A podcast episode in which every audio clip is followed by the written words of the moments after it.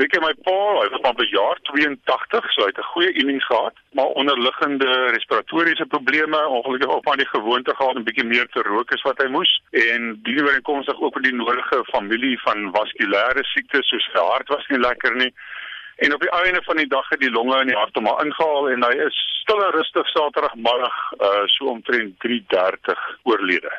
Suid-Afrikaners onthou Andre Rousseau as die man wat hulle op televisie gesien het in meer as 'n handvol rolle, maar min van ons weet wat sy gees was hy by die huis gewees. Hy was 'n tipe ou wat nooit stil gesit het. Weet my ma het haar dae met hom gehad. Nou byvoorbeeld sy eie huis in Tableview wat hy nou onlangs moes verkoop na 'n groot beroerte want hy kon nou nie meer daar bly nie. Hy het die huis self gedoen, hy het die meubels gemaak, hy het die deure gemaak, hy het die hy het die vensterrame gemaak, houtwerk gedoen, kaste ingebou.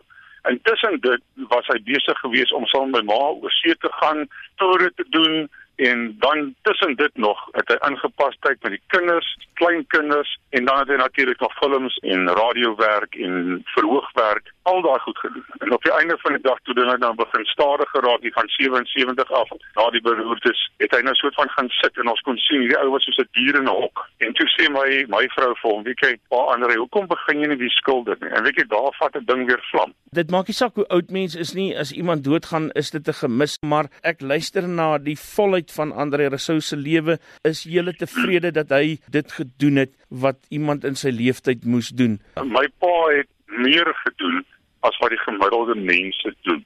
Dit en ek in my beroep ek is 'n mediese dokter, kan ek nou sien wat wat ander mense op sy ouderdom waar hulle staan. En ek dink as my pa nie die beroerte gehad het nie, het hy nou nog flieks gemaak. Hy sou nie opgehou het nie. Dit hy was hy was mal oor daai kreatiwiteit. Ek dink as hy nie kreatief besig was nie, dan het hy letterlik van sy kop af geraak. En ek ek gaan hom nou sy rus. Dit so as ek nou hier so staan kan ek vir jou sê dit bitter hartseer dat hy weg is, maar aan die ander kant is dit ook ek vind berusting in die feit dat hy is nou rustig.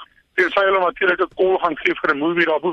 Dit daar's soveel van die van sy telle en en manne wat direksie en so aan gedoen het wat nou onlangs dood is, kan wees dat hulle wat hulle hom 'n kol opgegee het. Hy moet kom, hulle hulle skiet sommer. Dis baie mooi. Ek weet julle al wat die begrafnisreëlings is. Ja, ons gaan Saterdagoggend 11uur in die NG Kerk Tableview in Greylaan in Tableview gaan ons begrafnis hou en na die tyd almal is welkom. Al die skoolkinders wat hy wat hy geleer het, sy vriende, obviously die familie, al sy akteursvriende en so aan wat in die ronde is. Almal is welkom.